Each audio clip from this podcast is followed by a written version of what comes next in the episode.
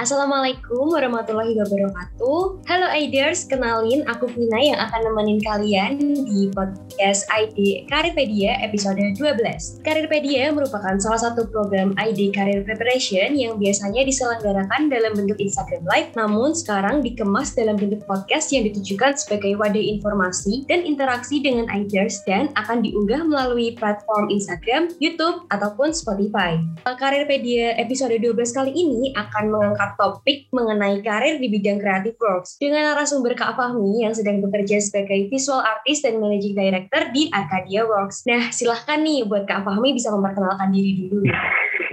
Halo, salam kenal semuanya. Saya Fahmi. Saya saat ini sebagai visual artist dan juga sebagai managing director di salah satu interior design firm di Jakarta. Halo, salam kenal Kak Fahmi. Salam kenal, Bina. Nah, kebetulan banget nih, mumpung sekarang sudah kedatangan Kak Fahmi yang mungkin akan membuka wawasan tentang gimana sih di dunia kreatif itu. Uh, sebelumnya aku akan bertanya terlebih dahulu, gimana sih kabarnya Kak Fahmi sekarang? Baik, Alhamdulillah. Bina, apa kabar, Alhamdulillah saya juga baik. saya lagi sudah mau puasa lagi, ya kak. Iya bener, mau puasa terus habis itu belum dapat dapat booster lagi sayanya, jadi lagi mencari booster. Biar bisa mudik ya kak. iya, biar bisa jalan-jalan lebih tenang. Kalau akhir-akhir ini tuh Fahmi kesibukannya apa sih? Oke, kan seperti tadi yang udah dikenalkan, saya adalah sebagai visual artist dan juga managing director. Sebagai visual artistnya, dan pokoknya intinya dua posisi tersebut ada dua roles yang sangat berbeda. Uh, di posisi saya sebagai visual artist, saya saat ini lagi ada ngerjain kerja sama sama salah satu brand, mohon maaf nggak bisa disebut. Um, brandnya nanti kalau umpamanya udah launch pasti saya kasih tahu. Itu membuat ilustrasi campaign dari aktivasi sebuah produk mereka. Terus di sebagai managing director di Arcadia Works, saya memastikan untuk Arcadia Works berjalan sebagaimana mestinya, kesehariannya day to day bisnisnya bagaimana, um, role saya dengan peran saya eh, dan rekan saya perannya berbeda. Rekan saya adalah um, yang bagian membuildnya, saya memake sure company-nya running well. Jadi seperti itu sih. Cukup sibuk ya kak ternyata kegiatannya. Lumayan. Oke, aku juga penasaran nih kak, uh, awal mula gimana sih Kak Fahmi ini bisa masuk ke dunia creative works? Dan apa yang bikin Kak Fahmi ini bisa tertarik sama karir ya dan pekerjaan yang Kak Fahmi sedang jalani saat ini? Jadi waktu kecil saya suka banget sama Google Five tahu Google Five nggak Vina? Hmm, apa itu kak? Bisa dijelaskan? Berarti kita beda usianya lumayan. Tapi Vina tahu Power Ranger kan? Tahu tahu kak tahu.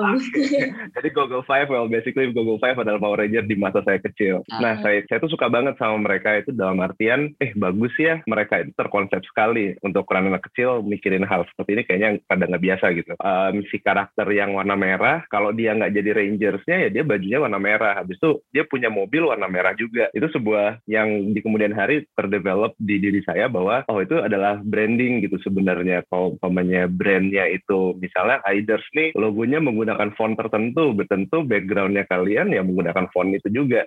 Dari situ berkembang kecintaan saya dengan visual habis itu film-film kartun ada ilustrasinya Kemudian pas saya SMA, dulu saya kecil di Sulawesi Tengah di Palu dari dari lahir sampai SMP. SMA saya pindah ke Jakarta, not knowing bahwa ada sebuah karir atau sebuah profesi yang mengurusi hal-hal seperti itu. Ketika saya SMA di kelas 2 saya ketemu beberapa teman saya yang yang membukakan mata saya kayak, oh ternyata ada toh kuliah jurusan desain ya. Um, ternyata ada ya orang yang sampai sarjana dia menggambar terus gitu. Bahkan dia berkarir di situ. Akhirnya saya mengambil jalur itu. Padahal saya dari background yang di Sulawesi Tengah waktu itu saya nggak tahu menahu apa pun tentang desain keluarga saya pegawai negeri gitu ya bapak ibu saya. Jadi ya saya tahu ya seputaran itu. Kemudian um, setelah masuk jurusan desainnya pas kuliah saya semakin semakin suka semakin suka semakin semakin cinta sama proses pengerjaannya. Ya udah saya terusin deh sampai sekarang. Kurang lebih kayak gitu. Jadi awal kecintaannya sih based on apa yang saya lihat dari kecil saya suka dan saya figuring out oh ternyata ini bisa menjadi karir bisa menjadi hidup, kehidupan gitu kira saya jalanin itu sih. Hmm, berarti oh, Kak gitu. Fami ini belum ada latar belakang yang kayak keluarganya Kak Fami sama-sama di bidang kreatif itu nggak ada ya Kak? Gak ada, gak ada, gak ada yang tanda kutip ya gak ada yang senimannya itu gak ada tuh di keluarga saya. Uh, terus apa sih yang bikin Kak Fami itu yakin dan memutuskan untuk terjun dalam karir kreatif, kreatif itu Kak? Jadi waktu di SMA kan habisnya saya kan berkenalan sama orang yang lebih banyak lagi, lebih luas lagi. SMA saya lumayan besar waktu itu, satu angkatannya sekitar 400-an orang. Di dalam satu kelas aja saya udah kenalan sama orang yang, oh bapak ibunya arsitek. Arsitek itu seperti apa sih kalau kita buka puasa bareng di rumahnya? Wow, buku-bukunya keren-keren ya, gitu ada gambarnya. Oh bapak ibunya itu mendesain rumah, mendesain gedung. Ada tuh perancang seperti ini. Nah, nah dari situ saya pelajarin kalau ternyata ini tuh juga bidang jasa lagi sama seperti kita consulting ke dokter gitu misalnya atau ternyata tidak semua orang tanda kutip bisa bikin menu buat jualannya mereka gitu. Jadi butuh orang yang mendesainkan itu. Terus oh kayaknya bisa nih di jalur ini. Ya udah setelah kuliah kan habis itu semakin dalamin lagi kan proses kerjanya project manajemennya seperti apa. Ya udah dari situ sih saya udah um, yakin ya. Ditambah angkatan saya peralihan dari generasi in, non internet menjadi internet. Dengan adanya internet kita jadi semakin tahu gitu. Toko buku juga semakin bervariasi. Ya saya saya, saya melihat ini bisa dijalanin gitu aja sih. Uh, berarti Kak Fahmi hmm. itu kuliahnya di bidang arts ya? Di saya jurusannya desain komunikasi visual. Mungkin dulu kenalnya desain grafis kali ya. Oh atau dulu kalian lebih mudah sekarang kalian tentu tahunya DKV. DKV dulu uh, dulu sebelum DKV ada namanya cuma desain grafis itu aja. Oke, okay, karena latar belakangnya Kak Fahmi sebagai desain ini mahasiswa hmm. desain, apakah hal tersebut itu sangat mempengaruhi karirnya Kak Fahmi saat ini ya. Terus gimana sih dinamika latar belakang Kak Fahmi sebagai mahasiswa desain dalam keilmuan kakak dan karir yang sedang dijalani saat ini? Kalau umpamanya berpengaruh apa enggak, tentu berpengaruh ya dibandingin sama seperti kita bicara kayak orang yang otodidak melakukan sesuatu sama orang yang sekolah melakukan sesuatu. Saya punya advantage bahwa saya udah tahu ilmunya nih gitu. Sementara teman-teman yang lain mungkin baru baru belajar. Tapi di situ juga di situ juga lucunya teman-teman yang otodidak tuh kadang-kadang jauh lebih jago gitu dibanding teman-teman yang kuliah termasuk saya sendiri. Nah, ilmu yang saya dapat dari kuliah itu tentu bisa dipakai banget um, di karir saya sekarang mulai dari produk manajemennya bagaimana proyeknya juga harus dijalani seperti apa kurang lebih kayak gitu. Teknis-teknis ilustrasi itu saya pakai sampai sekarang. Terus dinamika selama kuliah seperti jurusan apa pun seperti kuliah di mana pun ketika kita bekerja tentu akan wah kok nggak diajarin kayak gini sih zaman kuliah? Semua jurusan apa pun itu pasti akan menemukan hal yang sama. Jadi jadi zaman kuliah teman-teman sering banget kami tuh ada job-job di luar-luar gitu kan. Di situ kami mendapatkan pelajaran-pelajaran yang nggak kita dapat di bangku kuliah. Kurang lebih kayak gitu sih. Uh, kalau dari Kak Fami sendiri mm-hmm. dalam mengawali karir ini tuh apa aja sih kendala-kendalanya? Kayak ada kendala nggak sama? Gimana caranya Kak Fami itu bisa menghadapi kendala-kendala tersebut? Kendalanya adalah saya itu kan lulus kuliah harusnya tahun 2000 eh sorry tahun berapa ya 2005 atau 2006 kalau nggak salah saya lulus kuliah. Terus di masa itu profesi ini masih sangat baru dan masih sangat baru untuk dihargai. Jadi nggak begitu banyak lowongan yang terbuka untuk profesi-profesi seperti kami-kami. Cuman kami tahu bahwa ada agensi-agensi yang oh ini ada agensi bagus nih grafik gitu. Terus sebelum saya lulus itu masa-masa di mana musik video Indonesia mulai mulai dikenal dan bagus. Terus habis itu ada penghargaannya. Ternyata di situ menyerap banyak tenaga kerja kreatif di dalamnya. Di situ teman-teman teman pada banyak yang mulai dihargai dan itu membuka jalan yang lumayan besar buat kami yang bekerja di bidang kreatif. Challenge-nya adalah sama aja sih sama siapa pun itu yang mencari kerja saat itu, penolakan atau enggak yang berjalan sebagai freelancer dibayar dengan harga teman atau terima kasih dibarter dengan barang, kurang lebih kayak gitu. Tapi di awal-awal karir sih challenge-nya saya rasa sama sih semua yang dihadapin gitu kendalanya cukup banyak ya kak buat menuju ke karir kayak gini tuh. lumayan lumayan. Hmm. Nah kalau aku lihat-lihat tuh kalau orang-orang desain itu kan inspirasinya banyak banget ya kak buat menulis suatu desain itu. Nah gimana sih caranya kak Fahmi itu dapat inspirasi terlebih di awal-awal dua tahun terakhir ini kan pandemi ya kak. Kak Fahmi harus kerja work from home.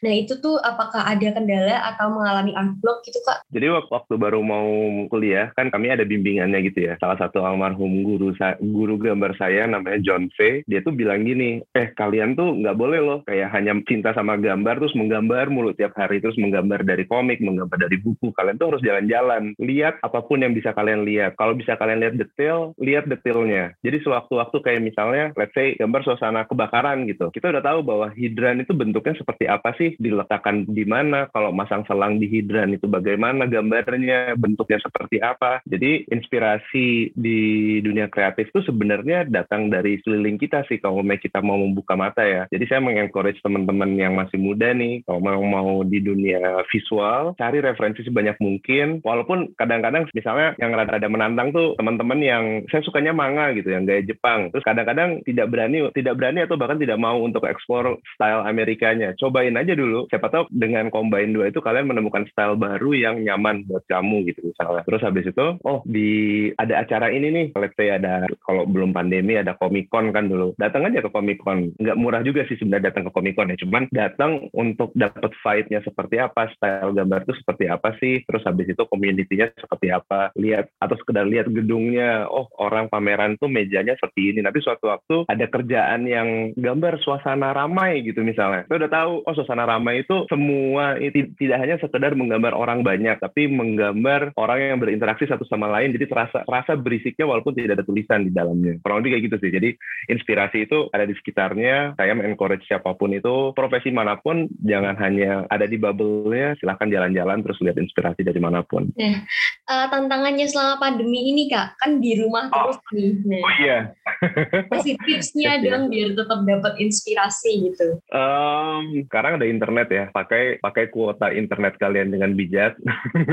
Jangan hanya mencari drama yang ada di internet, tapi cari juga misalnya, let's say bukan dunia kreatif deh. Misalnya di Arcadia Works kami interior design. Teman-teman interior design tuh mereka sangat explore banget untuk membuka website-website interior design. Mereka mencari desainer siapa. Oh ini bagus nih interior desainnya kantor ini. Desainernya siapa ya? Coba cari deh di YouTube. Ada interviewnya nggak sih? Kira-kira ada nggak video seperti ini yang menceritakan dia terinspirasi apa ketika membuat karya itu? Let's say dia terinspirasi dengan sebuah kota di negara mana gitu. Coba kamu lihat. Terus kamu googling lagi kotanya itu oh iya ya um, kota dan poin dari yang dia took inspiration from ini bisa dirubah menjadi sebuah karya interior untuk kantor lagi. Oh seperti itu tuh proses kerja. Jadi jadi membuka wawasannya kurang lebih ya memang harus mau nggak mau mengandalkan internet ya di masa pandemi ini dan kita tuh keterbatasan banget. Walaupun sekarang udah udah berangsur berangsur normal, menurut saya ini juga kesempatan yang baik buat kita jalan-jalan karena kota-kota di bangunan-bangunan yang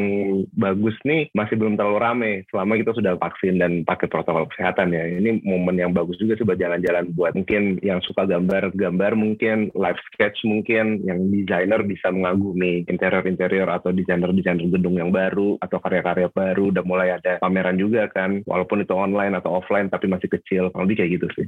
Ah berarti itu dunia internet sangat berpengaruh banget ya kak buat para desain ilustrator itu. Nah iya kalau iya banget. kak Fahmi itu uh, ada pengaruhnya nggak sih perbedaan dari nyari inspirasi secara langsung sama perbedaan cari inspirasi di internet? Iya, jadi kalau pemain secara langsung tuh kadang-kadang ada yang kayak, kayak misalnya tadi saya sempat cerita tentang hidran ya. Hmm. Saya kalau pemain yang ngeliat hidran, oh gini tuh gitu kayak mana sih knopnya yang bisa bisa kayak dicari bentuk ini tuh apa sih? Kenapa sih kok dia warnanya seperti ini gitu misalnya? Oh ini tuh yang warna silvernya ternyata dia handle pintunya buat dibuka misalnya kayak gitu. Jadi bisa dipegang gitu semuanya bisa tahu kita bisa rotate. Sementara kalau main di internet ya kita akan melihat aja gitu, melihat bentuknya. Salah ketika kita mencari inspirasi tentang tadi saya juga sempat cerita kayak misalnya kan suasana yang ramai, tapi kita melihat kita mengambil foto doang gitu. Kalau bisa lihat video juga, video suasana ramai itu gimana sih? Interaksinya bagaimana? Ada suara apa di situ gitu ya. Jadi di situ juga terbuka juga wawasannya. Saya pernah nonton waktu itu pembuatan filmnya Ghibli yang Spirited Away kalau nggak salah. Terus habis itu si sutradaranya bilang, Hayao Miyazaki-nya bilang, si naganya itu bayangkan seperti seekor ular yang jatuh dari pohon. Terus habis itu desainernya nggak ada yang tahu bagaimana pergerakan ular yang jatuh dari pohon itu. Terus dia kayak ketawa, ngetawa ngetawain anak-anak muda itu kan gimana? Eh, saya, saya tahu, saya bisa lihat, saya bisa cari inspirasinya dari foto, dari ini. Nah, kamu harus tahu caranya. Ular jatuh dari pohon itu bagaimana geraknya. Jadi dia explore akhirnya jalan-jalan mereka untuk cari tahu gimana sih ular jatuh dari pohon itu. Kurang lebih kayak gitu perbedaan internet dan dunia nyata gitu ya. Jadi kalau kalian ada kesempatan jalan-jalan, jalan-jalan lah, lihat aja tengok kanan kiri kanan kiri. Sama seperti penyanyi gitu ya, penyair atau penulis, dia kan kalau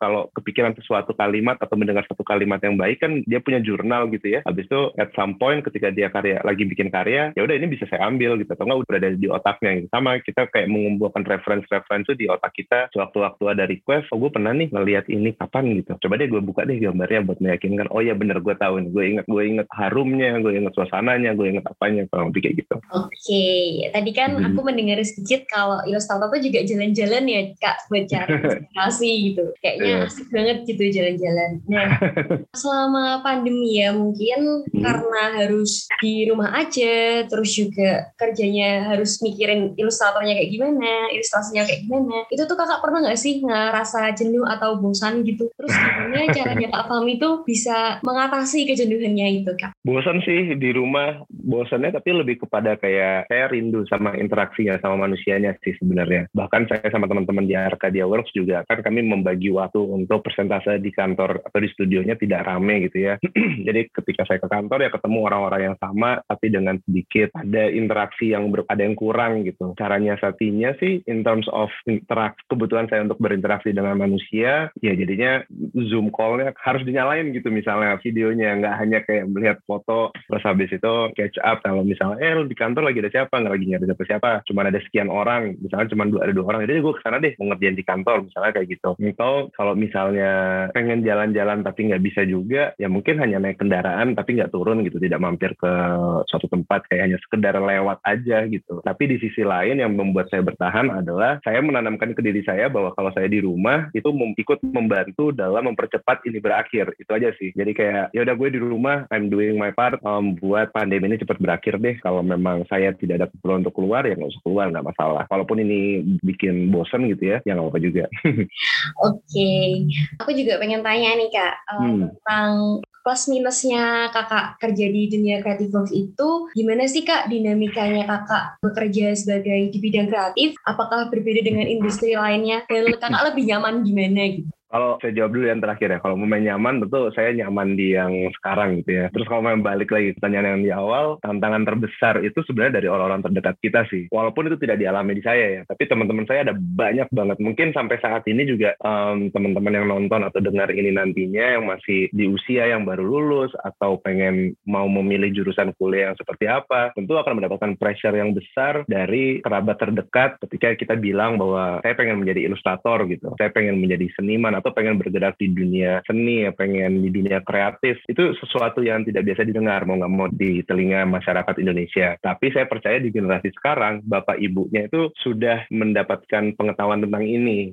Dan, sudah sangat terbuka ya dengan apalagi dengan pandemi ini kan jadi ada banyak dunia kreatif dibutuhkan untuk memvisualisasikan apa pun itu yang ada di layar kita kan sekarang. Jadi harusnya sudah tidak sesusah zaman dulu tapi challenge itu tetap ada. Karena saya lihat eh, misalnya saya buka LinkedIn gitu ya. Kadang-kadang suka suka banyak yang perusahaan-perusahaan ini butuh illustrator, graphic designer, interior designer dan itu bukan perusahaan yang memang bidangnya graphic design, tapi kayak say, apa invest program eh, aplikasi investasi apa gitu, butuh illustrator atau enggak marketplace online butuh illustrator. Itu kan sesuatu yang dulu kita tidak pernah dengar dunia kreatif ya kita bekerja di agency habis dari agency mungkin buka studio sendiri kalau kayak gitu tapi sekarang ternyata bisa masuk menjadi in-house designernya siapa pun itu bahkan kalian juga punya in-house designer kayaknya kan gitu oke okay.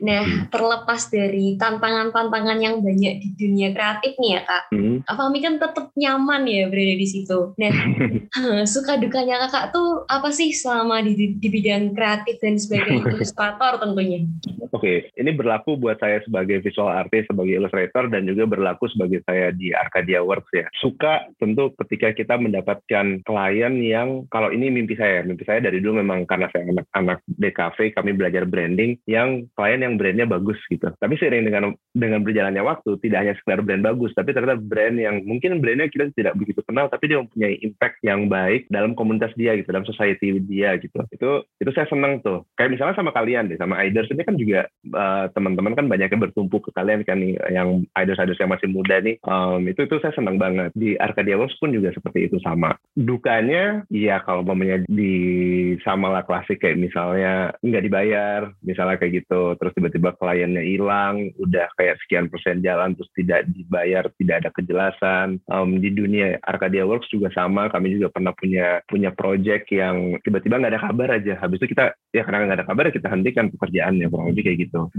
itu sih yang paling menantang sih. Jadi tiap kali ada hal seperti itu kami kayak saya pribadi juga langsung ngeliat ke belakang oke okay, dari dari segi legal kita apa yang kurang sampai kita bisa diginin sama sama klien kita kita perbaiki kami per, perbaikin lagi saya juga perbaikan diri lagi gitu-gitu gitu sih. Kehidupannya cukup berat ya kak harus tinggal klien. Lumayan. Uh, ini kan dunia kan berkembang terus ya kak. Apa hmm. teknologi itu berkembang terus mulai dari dulu mulai, hmm. mungkin ilustrasi ilustrasinya lewat tangan sekarang bisa pakai digital. Hmm. Nah gimana sih caranya kak Fahmi itu bisa mengembangkan passion dan karir itu dengan yang awalnya freelance sekarang juga sudah jadi managing director dan sudah berkolaborasi juga sama brand-brand besar seperti Fox, XL sama Grab. Ngembangin passionnya itu gimana? ngembanginnya sebenarnya um, agak nyerempet sama pertanyaan sebelumnya tadi ya kali ya. Karena kan tadi kan sempat dimention kayak saya ny kenapa saya nyaman banget di, di sini gitu. Karena sebenarnya buk yang saya suka. Memang benar panggilan itu datang dari ketika kita melihat produk hasilnya gitu. Kayak misalnya saya suka banget sama uh, hasil ilustrasi di Arcadia Works saya suka banget melihat kantor kalau dibikin nyaman dan teman-teman yang bekerja di dalam kantor tersebut nyaman saya suka gitu. Tapi di balik itu ketika saya terjun yang sebenarnya yang yang kami kami ini cintai itu adalah proses bekerjanya. Jadi kayak ilustrasi itu proses menggambarnya yang kami suka dan kami nikmati. Arcadia Works juga seperti itu. Proses desainnya proses kami running the company-nya itu sesuatu yang kami cinta di dalamnya gitu. Tidak semata-mata oh hasilnya bagus gitu. Hasil yang bagus itu tentu dari proses yang menyenangkan juga dijalaninnya kan. Nah, bagaimana peralihan dan berkembangnya si karir ini, menurut saya itu hasil dari persisten, habis itu konsistensi saya juga kayak menggambar terus, tanda kutip ya, tanda kutip mengingatkan orang-orang di sekitar saya bahwa, eh saya itu, gue itu bisa gambar loh gitu. Lama-lama mereka juga, oh, oh iya, dia bisa gambar, tolong gambarin ini dong gitu. Habis itu nanti ada temennya dia butuh gambar, dia akan ingat, oh dia gitu si Fahmi nih, kontak Fahmi. Jadi kayak terus-terusan mengingatkan bahwa saya itu bisa gambar, saya posting gambar, terus-terusan. Kalau cinta prosesnya dengan sendirinya nggak akan mau berhenti belajar, nggak akan mau berhenti nyari referensi, nggak akan cepat puas sama yang dicapai karena ketika kita mencapai sesuatu kayak naik tangga aja gitu, karena kita naik tangga ke atas terus wah tangga ke atas ini bagus juga ya pemandangannya gitu ya, tapi ternyata pas nengok ke atas lagi kelihatan dikit, oh di atas kayaknya ada sesuatu yang seru lagi deh, coba ah naik lagi, wih beda lagi nih gitu, jadi kayak terus-terusan mengembangkan dirinya di situ sih. Terus kalau memang ditanya peralihan kayak misalnya yang saya freelance, habis itu saya tanda kutip kantoran gitu ya, sebenarnya kan kantor ini pun yang membangun itu kan partner saya. Habis itu di tengah jalan dia mengajak saya sebagai partneran sama dia untuk bekerja bareng gitu untuk membesarkan Arcadia Works. Di situ sebenarnya saya tidak kadang-kadang gini ya, kadang-kadang teman-teman freelance tuh tanda kutip anti atau bahkan tidak mau menjadi orang kantoran gitu. Tapi sebenarnya studio besar seperti itu itu sebenarnya orang freelance yang udah nggak mampu menangani sendiri karyanya, tapi jadi akhirnya dia punya uh, asisten-asisten, eh tolong bantu ngerjain ini dan mereka bekerja satu tempat. Saya melihatnya seperti itu aja sih sederhananya seperti itu. Bahkan saya juga pernah menjadi asisten seorang komikus gitu dan itu memang asik banget sih saya suka. Dan saya kayak oh saya nanti kalau punya karir ilustrasi bagus saya mau ah punya asisten kayak gitu gitu. Dan itu itu adalah Arcadia Works. Tidak mungkin ada satu orang mengerjakan semuanya gitu. Jadi kita jadi kerjasama kerja bareng saling mengisi saling membantu saling memiliki peran masing-masing dan dikerjakan dalam satu tempat yaitu kantor itu gitu. Jadi saya tidak ada masalah dalam kalau dibilang switch saya juga tidak merasa switch sih. Tapi lebih ke ya ada tanggung jawab yang lebih besar aja di situ. Oke, okay, Kak, aku juga pengen tahu nih, Kak, enaknya kerja di freelance sama kerja kantor, di kantoran, itu perbedaannya gimana sih, Kak? Enak yang mana gitu kalau menurut Kak Malvi? enaknya kalau di freelance kalau sendirian gitu saya bisa menentukan saya mau bekerja sama siapa dan tidak mau bekerja sama siapa. Terus kapan saya mau mengerjakannya juga saya bisa menego sebebas-bebasnya dengan klien. Kayak misalnya oke okay, kamu mau bekerja sama saya tapi saya baru bisa mulai minggu depan karena saya ada proyek ini kamu mau nggak? Kurang lebih kayak gitu. Kalau saya sebagai pegawai di sebuah kantor tentu kan kami tentu kan saya jadi harus mengikuti jadwal yang sudah ada yang kita tetapkan bersama. Keputusan harus diambil bersama. Ada klien masuk saya mungkin nggak nyaman sama klien lain ini. Tapi dari tim saya tapi kalau kita kerjakan ini mereka punya penilaian yang lain yang menurut teman-teman ini akan membawa kebaikan buat kita bersama. Ya sudah saya harus harus komit bersama. Ya itu jadi kayak keputusan bareng. Jadi sama-sama seru sih kalau menurut saya. Serunya adalah kalau yang di studio bisa bareng-bareng ngobrol memutuskan bersama. Jadi kalau ada challenge-nya datang kita hadapi bareng gitu. Kalau di sendiri keputusan saya ambil sendiri. Suka tanda kutip ya suka-suka saya ini dalam artian bukan yang oh jadi semena-mena nggak juga maksudnya ya saya maunya kapan ngerjainnya, brandnya apa, apa yang saya tidak mau itu saya putuskan sendiri, timelinenya pun saya putuskan sendiri. Tapi kalau ada yang susah, ya saya hadapin sendiri juga karena itu resiko dari saya sendirian, kurang lebih kayak gitu. Dan untuk menjawab lebih nyaman mana yang yang freelance atau yang uh, kantoran, sebenarnya tentu yang freelance penghasilannya fluktuatif karena tergantung bagaimana bulan ini saya dapat bagus, bulan depan belum belum tentu, tidak ada jaminan itu. Um, kalau saya sebagai pegawai di sebuah perusahaan, ya saya punya penghasilan yang stabil. Tapi kalau saya sebagai owner di sebuah perusahaan, sama aja kayak freelance. Wih, bulan ini penjualan kita bagus ya. Belum tentu juga bulan depan. Nah, hmm. Jadi jadi sebenarnya ya mirip-mirip sih. Tergantung ada risk yang besar, tentu pendapatannya lebih besar. Tapi risknya besar juga di situ. Freelance begitu juga sebaliknya. Sama sih. Oke. Okay. Kalau hmm. di perusahaan kan sekarang ini Kak Fahmi lagi jadi managing director ya Kak? Hmm. Nah, gimana sih caranya Kak Fahmi itu bisa menyeimbangkan kedua pekerjaan tersebut? Oke, sebagai managing director, tentu kan saya juga ada komitmen dan tanggung jawab waktu dari segi waktu dan timeline pekerjaan yang harus saya penuhin. Dari situ saya harus pegang itu. Kalau misalnya saya udah komitmen sama sesuatu, aturannya seperti ini yang kita sepakati bersama, yaitu harus saya, saya, saya penuhin dulu. Kemudian untuk dunia kreatifnya ya tentu saya lakukan di saat di waktu mana pun yang tidak mengganggu tanggung jawab tersebut. Jadi let's say misalnya um, kami ada ada urusan di kantor yang yang sangat urgent gitu ya dan akan memakan waktu satu hari full. Sudah dalam satu hari full itu saya tidak boleh menyentuh pekerjaan ilustrasi apa pun. Tapi konsekuensinya adalah ketika saya malam, ya udah itu adalah waktu saya buat mengerjakan. Jadi jadi buat kalian, buat teman-teman yang mau tanda kutip menjalankan double life, ya harus harus dipertimbangkan kayak ada risk yang akan lebih capek tentunya tapi um, ini adalah yang kalian mau lakukan ada resikonya tentu ada fulfillment tersendiri juga sih jadi itu yang membuat saya semangat juga ngerjainnya walaupun ya tadi lebih capek. Oke, okay. hmm. ini aku pengen tahu nih kak, kan kak Fahmi hmm. itu harus bisa membagi waktu ya kak berarti. Kalau hmm.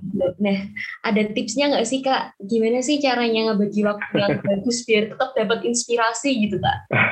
Pertama nggak um, tahu ya, tapi menurut saya ini penting dan dan saya membaca dan nonton videonya kayaknya kok sebuah isu yang cukup penting buat teman-teman yang masih muda saat ini. Pertama, cukupi waktu tidur kalian. Penuhi waktu minimal, cari tahu minimal tidur itu berapa berapa jam sih per hari. Penuhin itu. Habis itu kamu akan punya energi yang yang yang bagus dan baik lah dalam sepanjang hari. Habis itu bagi waktu berikutnya adalah um, apa yang apa yang ada nggak waktu dalam satu hari itu yang sudah disepakati bersama yang harus kamu jalani dan itu dan itu tuntutannya wajib. Kalau itu ada kewajibannya itu harus kamu jalanin dulu. Terus kalau misalnya kamu pengen pengen ada side job yang yang let's say passion kamu di situ gitu, tidak kamu di kantor tidak sesuai passionnya tapi passion saya di misalnya let's say apa ya saya bekerja di sebagai akuntan di sebuah perusahaan tapi saya suka banget bikin kopi dan saya pengen jadi barista misalnya seperti itu. Tapi kamu sudah punya kontrak yang pasti dengan perusahaan tersebut. Ya udah berarti mau nggak mau kamu harus nego ke coffee shop yang kamu kerja adalah ya saya baru bisa datang ke coffee shop di atas jam 5 sore gitu misalnya seperti itu. Bagi waktunya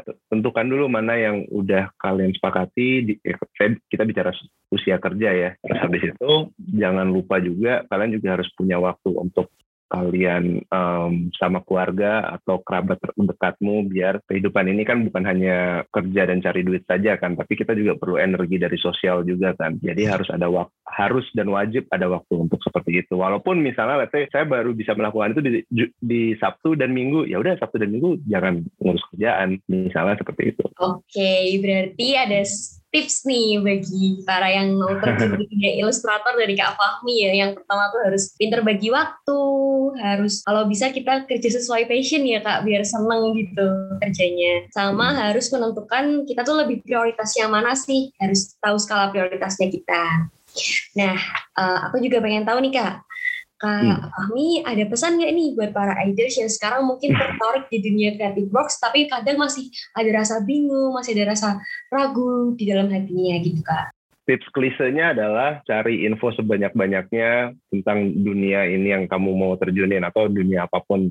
Kalau di dunia grafis, visual art, dan kreatif itu ada banyak lah yang bisa kalian nonton di YouTube. Tapi yang pasti dari saya pribadi, kamu dengerin aja dulu. Kamu itu sebenarnya pengennya apa sih? Ingat bahwa yang di Uber itu bukan hasil karyanya, tapi prosesnya itu juga harus dihitung, diperhitungkan juga. Misalnya saya pengen menjadi atlet renang gitu, taruhlah ya. Tapi pikirkan juga atlet berenang itu dia akan setiap hari ada di dalam air loh gitu. Kalau kamu nggak suka di dalam air ya itu sesuatu yang harus kamu tantang dirimu sendiri untuk melaluinya gitu. Jadi kalau kamu mau di dunia kreatif, tak perhitungkan juga prosesnya seperti apa. Kira-kira tanggapan mau nggak mau tanggapan sekeliling kamu seperti apa? Tanya sama orang tuamu mungkin karena gimana pun juga kita kita ada tanggung jawab ya karena kan mungkin dibiayai oleh mereka juga beberapa teman-teman yang mendengarkan.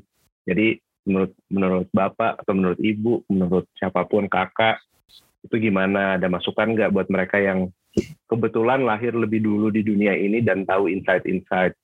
Terus kalau kamu nggak punya teman sekitar yang sesuai dengan passionmu, kamu harus mengembangkan pertemanannya. Kayak misalnya, lu punya teman nggak sih yang yang ilustrator boleh nggak sih? Gue dikenalin gue pengen nanya-nanya deh kuliahnya apa jurusannya apa kuliah yang lebih bagus apa? Atau bahkan kayak toolsnya apa sih? Dia tuh gambarnya pakai apa ya gitu. Gue pengen tahu deh kalau kali aja gue dari rezekinya pengen punya terus pengen dicobain. Jadi perluas wawasannya pertemanannya cari tahu resikonya kira-kira apa kalau terjun di dunia itu. Semua semua ada risk dan pertanggung jawabannya. Nanti kalau kamu ngambil jalur passion yang kamu pilih terus jangan lupakan realitanya. Kayak misalnya gini maksudnya saya pengen menjadi misalnya saya pengen menjadi freelance lah taruhlah kita kerucutkan di dunia kreatif ya. Saya pengen menjadi freelance saya pengen bebas mengatur ini itu ini itu. Tapi saya harus lihat realitas saya. Saya punya tagihan listrik juga loh di rumah. Kebetulan saya juga udah punya istri dan udah punya anak. Kantor saya ini bisa menghidupi dan dan mengisi kekurangan dan kebutuhan dari realita barusan yang saya ceritakan. Emang saya berani saya bisa nggak ya? Atau nggak saya berani nggak ya untuk meninggalkan kantor dan menjadi freelance full? Kira-kira kayak gitu. Kalau saya berani strateginya apa ya? Kurang lebih kayak gitu. Gitu sih. Jadi passion itu penting, tapi tetap cek realita kehidupan kamu seperti apa. Mengejar mimpi itu penting juga. Cek juga kamu mau tidur berapa lama buat ngejarnya dan harus bangun berapa keras buat ngejar mimpinya. Oke, makasih ya hmm. Kak Fahmi buat pesannya nih buat para idris yang masih kadang bingung. Nah, uh, buat para idris sendiri jangan lupa ya kalau masih ada ragu-ragu gini harus perbanyak cari info dan relasi mengenai dunia creative works dan harus memantapkan hati juga. Kalau passionnya suka lanjutkan, kalau nggak suka jangan terlalu dipaksakan. Nah, hmm. selanjutnya ada hmm. sesi tanya jawab nih kak yang kemarin sudah kami buka melalui Instagram okay. ya kak dari Kak Fahmi itu. Nah, ada beberapa pertanyaan ya Kak, aku bacain ya. Yang Jangan. pertama ada dari Melinda Ayu SPR. Pertanyaannya hmm. adalah, Kak, kalau nggak ada inspirasi gambar, cara yang dilakukan apa ya supaya mood gambarnya bisa bagus lah? Silahkan Kak Fahmi bisa menjawab. Oke, jadi zaman dulu tuh kalau pemain teman-teman ada yang tahu almarhum Gigi Petet, dia adalah salah satu aktor dan dan pengajar juga. Saya kebetulan cukup beruntung pernah mendapatkan kelas dari dia. Tidak ada hubungannya sama gambar sih sebenarnya. Cuman ketika tanya jawab, saya juga menanyakan hal yang sama. Terus dia jawab, dia jawab kayak gini, seniman tuh udah nggak ada zaman yang mengandalkan mood, kata dia. Karena kamu punya tanggung jawab. Ketika kamu bilang gambar ini harus selesai hari Senin, ya harus Senin harus harus selesai gitu. Itu adalah pecut kamu, katanya gitu. Nah, caranya bagaimana kamu harus kamu harus cari sendiri katanya waktu itu seperti itu. Dan akhirnya kalau menurut saya buat saya cara paling efektif ketika art block ya bilangnya kalau di kami itu kayak kami sebenarnya tahu harus gambar apa tapi kok kayaknya salah mulu yang digambar gitu. Step back aja dulu take a break kayak misalnya nggak tahu nonton nonton aja apa gitu yang kamu nyaman nonton. Kayak misalnya kamu punya film yang kamu ulang berkali-kali kayak gue udah tahu sih ceritanya cuman nyaman aja nontonnya. Tonton aja film itu terus habis itu baca apa? Baca komik dulu baca buku dulu atau mungkin kamu punya hobi apa? Break aja dulu dari rutinitasnya kasih waktu yang cukup aman tidak mengganggu deadline-nya. Kalau udah tenang balik lagi deh. Habis itu coba lagi gambarnya Oke, okay, gitu. berarti cara ngatasi moodnya itu bisa dengan take a break sendiri kayak me time gitu ya kak kalau bahasanya juga eh. sekarang itu. Iya, gue gak kepikiran lagi bahasa gitu. Iya, bahasa gaulnya kan sekarang me time. Gitu. Oke, okay, aku bacain pertanyaan kedua ya kak dari Azuraisa. Pertanyaannya yaitu kak bedanya visual design artist sama graphic designer tuh apa sih kak? Oke, okay, kak Fahmi okay. langsung dijawab. Ya, itu sebenarnya juga sesuatu yang saya saya baru belakangan ya. Kalau misalnya disebut sebagai graphic design, walaupun sebenarnya lulusannya graphic designer juga. Graphic itu adalah graphic, kayak tulisan backgroundnya Vina juga itu adalah sebuah graphic design, ilustrasi. Ilustrasi adalah ilustrasi. Visual artist itu visual itu semua yang kita lihat. Jadi jadi saya pengen memperluas aja bahwa bahwa saya mengerjakan grafik juga, ilustrasi dan ilustrasi juga. Jadi mencakupannya cakupannya lebih luas. Kurang lebih kayak gitu sih sebenarnya. Tidak mengotak-kotakan hanya grafik saja gitu. Karena kadang-kadang misalnya misalnya saya lagi nyari seorang graphic designer gitu ya di kantor. Saya ngomong ke HR, HR tolong cariin graphic designer dong karena kayaknya saya butuh butuh bantuan nih misalnya kayak gitu ya. Terus habis itu ada pelamar misalnya uh, misalnya graphic designer tapi portfolionya ilustrasi semua. Misalnya dari 10 portfolio yang dia sajikan, 9 adalah ilustrasi. Saya melihat dia sebagai ilustrator rather than graphic designer. Kurang lebih kayak gitu sih. Tapi kalau misalnya dia menyebut dirinya ada visual artist, portfolionya 10, 5 adalah grafik, 5 adalah ilustrasi. Saya melihat dia bahwa orang yang balance, kurang lebih kayak gitu sih. Berarti harus diimbangi ya Kak antara keduanya itu? Um, pilihan terserah, terserah teman-teman. Kalau memang nyamannya masuk grafik, gini, kadang-kadang saya suka gambar nih, makanya saya masuk DKV misalnya kayak gitu. Tapi ternyata di sepanjang jalan, ternyata saya cinta banget sama grafik, saya jadi nggak pernah gambar lagi, ya nggak apa-apa juga sih sebenarnya. Dia menjadi grafik, pure graphic designer, dan banyak yang seperti itu. Gitu. Oke, berarti balik lagi ke passion dan kenyamanannya di mana gitu ya, Kak? Iya sih, iya iya. Oke, itu buat tips nih buat Azuraisa harus tentuin passion dan kenyamananmu di mana. Oke, aku bacain pertanyaan selanjutnya ya Kak dari pokta.inc. Pertanyaannya hmm. itu, Kak, untuk memilih warna yang tepat dalam gambar yang kakak buat, apakah kakak pernah mengalami kesulitan untuk menentukan color palette-nya mungkin kak? Iya, jadi jadi color palette itu sebenarnya sesuatu yang saya bahkan nggak ingat apakah itu dulu diajarin apa enggak ya zaman kuliah atau mungkin diajarin saya lagi bolos mungkin ya atau gimana. Cuman yang pasti color palette itu terus-terus berkembang. Bahkan color trend itu kan juga berubah dari tahun ke tahun.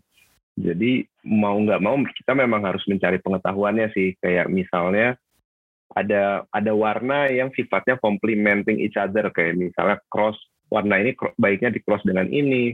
Itu kita cari aja deh di internet. Terus misalnya ada psikologik warna kayak misalnya makanan itu orang akan melihat tertarik beli makanan ketika makanan di menunya warnanya apa. Itu juga ada perhitungannya di di di pengetahuannya kurang lebih kayak gitu.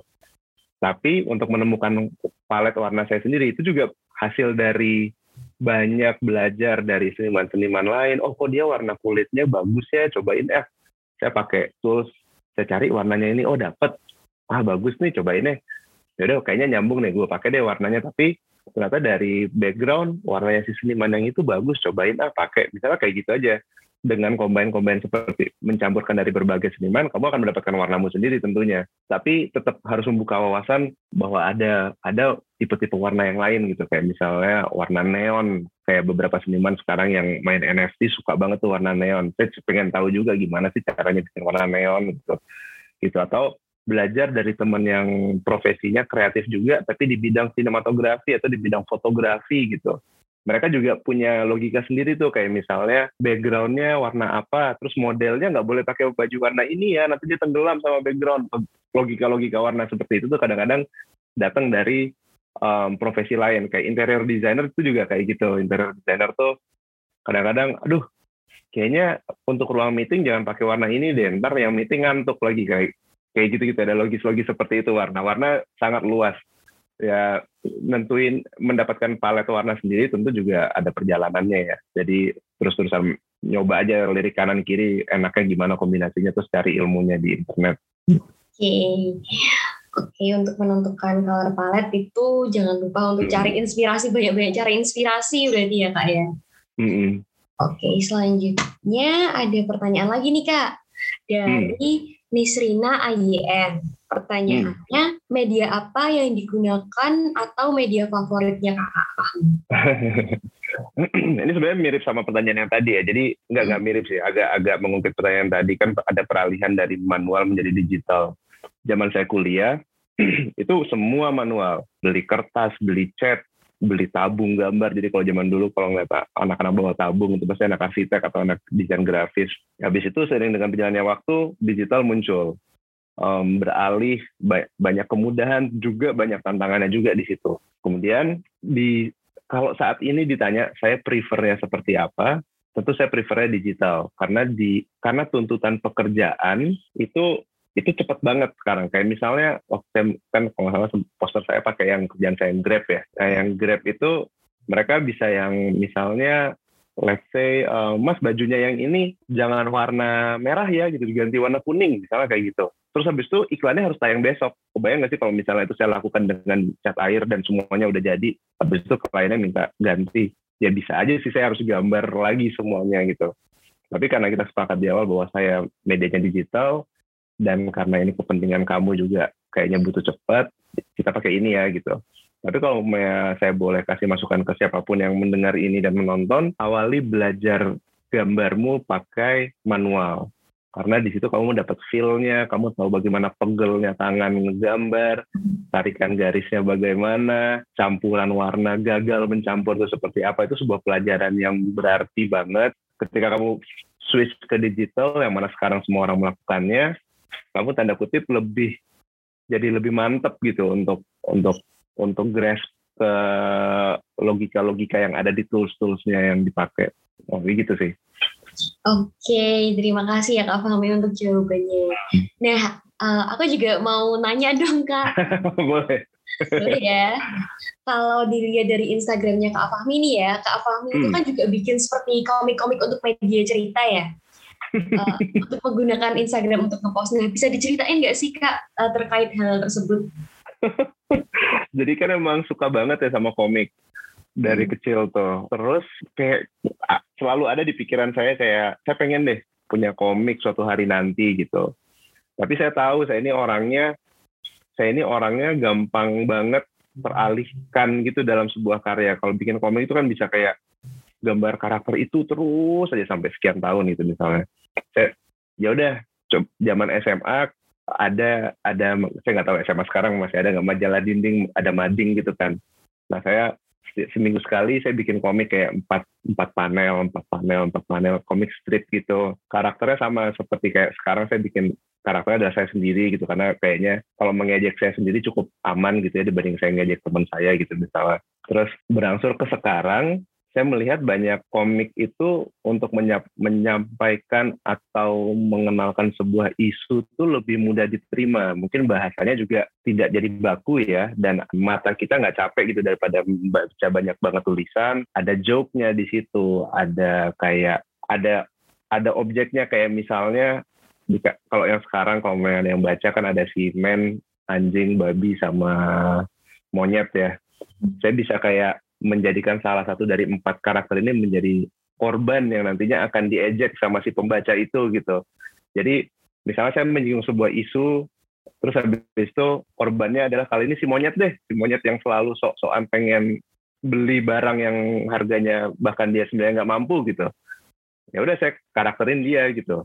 Sementara tiga karakter yang lainnya adalah mewakili teman-teman yang membaca yang kayak ngapain sih beli orang ini aja misalnya kayak gitu. Nanti pas komiknya selesai, pembaca jadi kayak, oh iya ya bener juga ya membeli barang itu harus bijaksana, oh si monyet nih, gitu.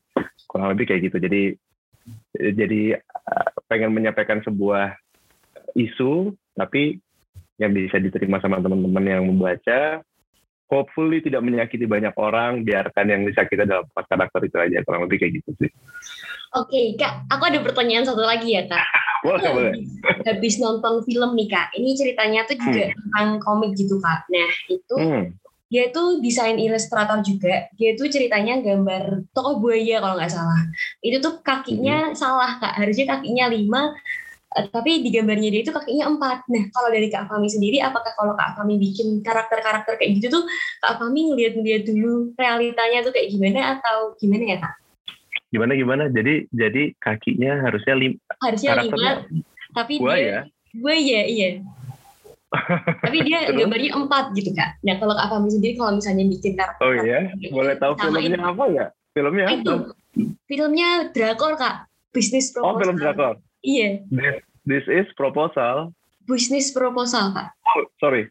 Business proposal. proposal. Oke. Okay. Iya. Itu ceritanya okay, tentang okay. kakaknya dia itu desain ilustrator gitu, Kak, di buku. Oke. Okay. Jadi ya benar sih kalau kalau zaman dulu ya peralih ini ini cerita agak ke belakang untuk menggambarkan bagaimana perbedaan usia kita. Jadi zaman dulu tuh kita kalau nonton video itu medianya kan kalau nggak kaset laserdisc, uh, video CD, habis itu beralih ke DVD, digital video disc. Nah, DVD itu dia memuat banyak banget file. Salah satu file di dalamnya itu adalah kadang-kadang studio itu menceritakan bagaimana membuat video itu. Eh, sorry, film itu. Salah satu yang paling saya ingat pertama kali dan kayak wah ini bagus banget deh ini itu adalah Lilo and Stitch tau nggak Lilo and Stitch nah Lilo and Stitch itu DVD DVD-nya itu ada behind the scene ya sejak itu saya jadi memburu banyak banget kelihatan nggak ini, ini buku-buku kayak buku-buku behind the scene-nya ada Frozen ada Snoopy di situ saya belajar kalau misalnya ternyata bikin karakter tuh ya kan zaman dulu nggak banyak ya kelas online kayak how to make a karakter ini. Um, karakter itu memang harus dipelajari, harus tahu. Misalnya, karena saya bikin si, misalnya, misalnya karakter ini namanya Hito nih, yang ada di sini. Hito itu ada briefnya dari si penulisnya. Dia adalah anak usia sekian tahun, laki-laki, karakternya seperti ini. Um, dia suka apa, kurang lebih kayak gitu. Terus habis itu jadi harus cari tahu fisiknya anak laki-laki usia segitu tuh gimana sih.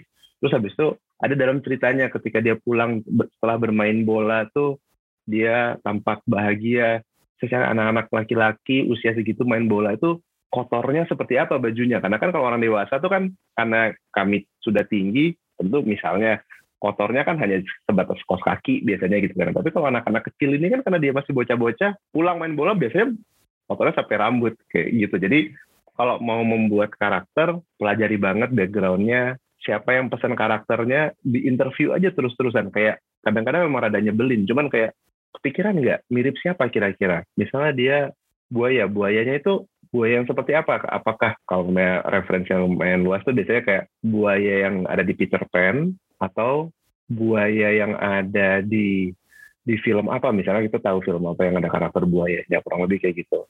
Terus apakah dia ganas? Apakah dia sebenarnya friendly dengan dengan dengan binatang yang lain? Jadi kalau kalau mau mendesain dan mendesain apa pun sih sebenarnya kita harus cari inspirasi banyak banget dan harus cari tahu backgroundnya seperti apa kayak si ular jatuh dari pohon tadi itu jadi kayak ternyata naga naga yang dimaksud itu bukan naga powerful yang ketika dia jatuh terus gitu tapi yang lep, yang lemes gitu seperti ular jatuh dari pohonnya kurang lebih kayak gitu Oke, okay. makasih banget ya Kak Fahmi yang sangat bermanfaat banget nih buat aku. Oke, okay. ada lanjutan pertanyaan nih Kak dari Kak. Oh, boleh silakan, silakan. Oke, okay, pertanyaannya hmm.